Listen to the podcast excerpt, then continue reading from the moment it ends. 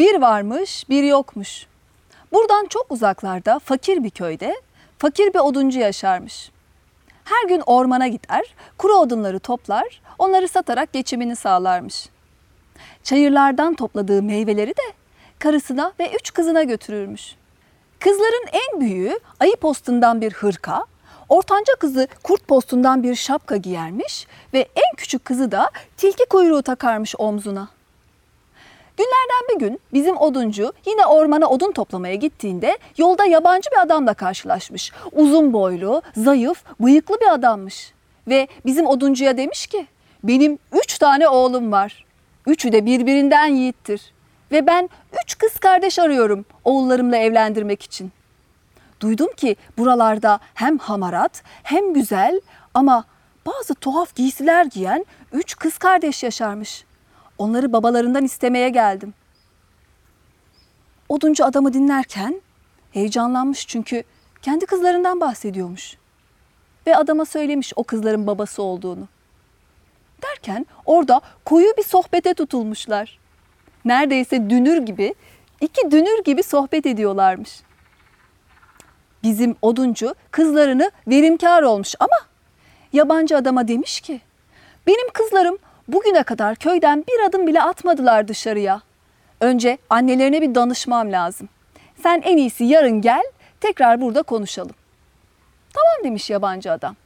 Akşam oduncu eve gittiğinde karısına o gün olan biten her şeyi anlatmış. Ve karısı adamı dinlerken o yabancı adamın kim olduğunu hemen anlamış. O adam yeraltı dünyasının hükümdarıymış. Çünkü kadına annesi küçükken bir hikaye anlatırmış. Söylendiğine göre ona da kendi annesi anlatırmış. Yerin altında kocaman bir saray varmış. Geçilmez yollardan gidilen, içinde şifalı suların aktığı bir saray. Bu sarayda yeraltı hükümdarı, sayısız hizmetkarı ve üç oğluyla beraber yaşarmış. Anlatılana göre oğullarının üçünün de dilleri lalmiş.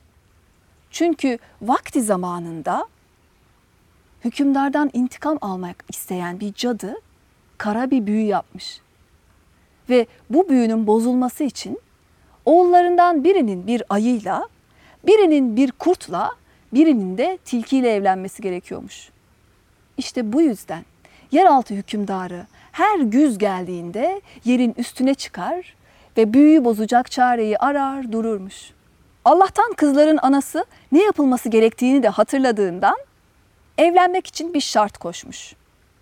Düğünde büyük kızının ayı postundan, ortanca kızının kurt postundan ve küçük kızının da tilki postundan bir gelinlik giymesini ve yüzlerinin tamamen kapalı olmasını istiyormuş. Bunları yeraltı hükümdarına ilettiklerinde o da kabul etmiş ve demiş ki bir hafta sonra kızları almaya geliyorum. Hazır olun düğün derneğe. Ve gerçekten de bir hafta sonra yeraltı hükümdarı bunların evine gelmiş ve evin önünde başlamış bir şenlik. Yenilmiş, içilmiş, danslar edilmiş derken kızların evden çıkma zamanı gelmiş ama anneleri hemen onları bir köşeye çekip tembihlemiş. Kızlarım, bir hafta boyunca eşlerinize yüzünüzü göstermeyin ve onları odanıza almayın. Biz küçük kardeşinizle anlaştık. Tam bir hafta sonra ben geleceğim. Tamam demişler kızlar ve evden ayrılma vakitleri gelmiş. Kapıdan çıkmışlar ve köy halkı onların üzerlerine buğday ve şekerler serpiştirmişler. Hep beraber gelin alayı yollara düşmüşler. Ormanda yürümüşler, yürümüşler derken yeraltı sarayına giden gizli geçitlerin olduğu yere gelmişler.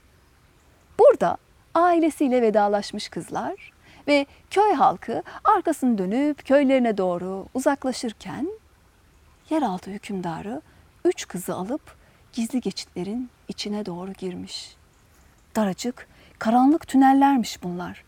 Rutubetli, karanlık ve dolambaçlı yollardan geçmişler.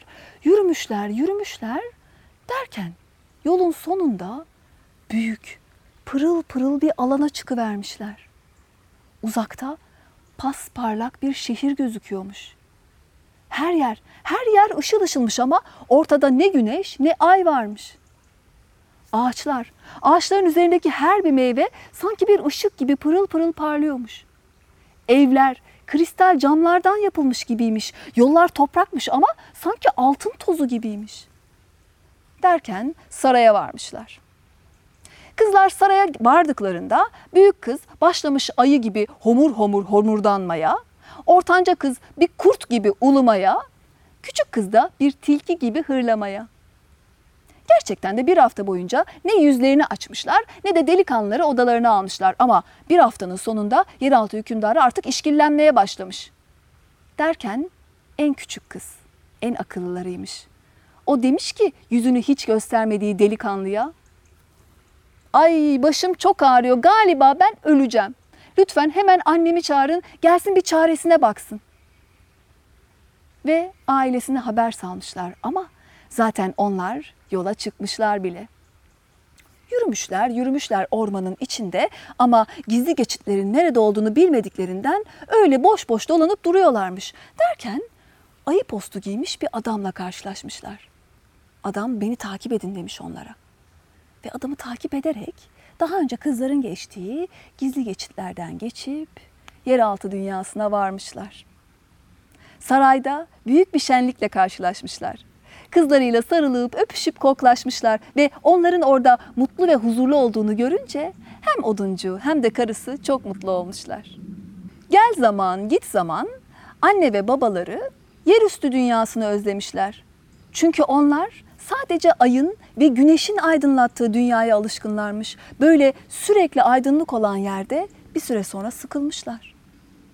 Kızlar ne kadar yalvarıp yakardıysa da kabul etmemişler ve evlerine geri dönmek istemişler. Ve onları yolcu etmek istediklerinde hükümdar demiş ki ayaklarınıza sağlık iyi ki geldiniz size hediye olarak ne verelim istersiniz?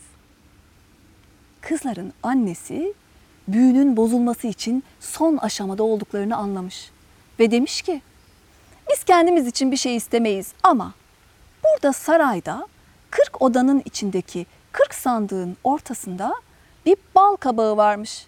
Eğer gönlünüz razı gelirse bize o bal kabağını verin. Tamam demiş hükümdar.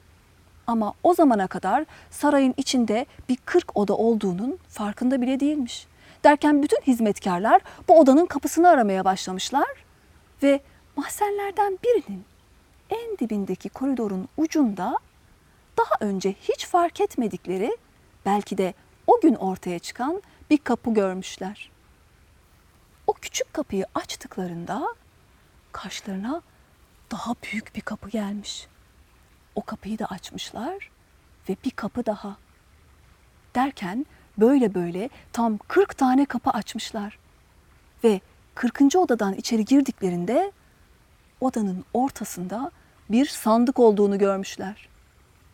Koca sandığı hep beraber açmışlar ve içinde bir sandık daha bulmuşlar.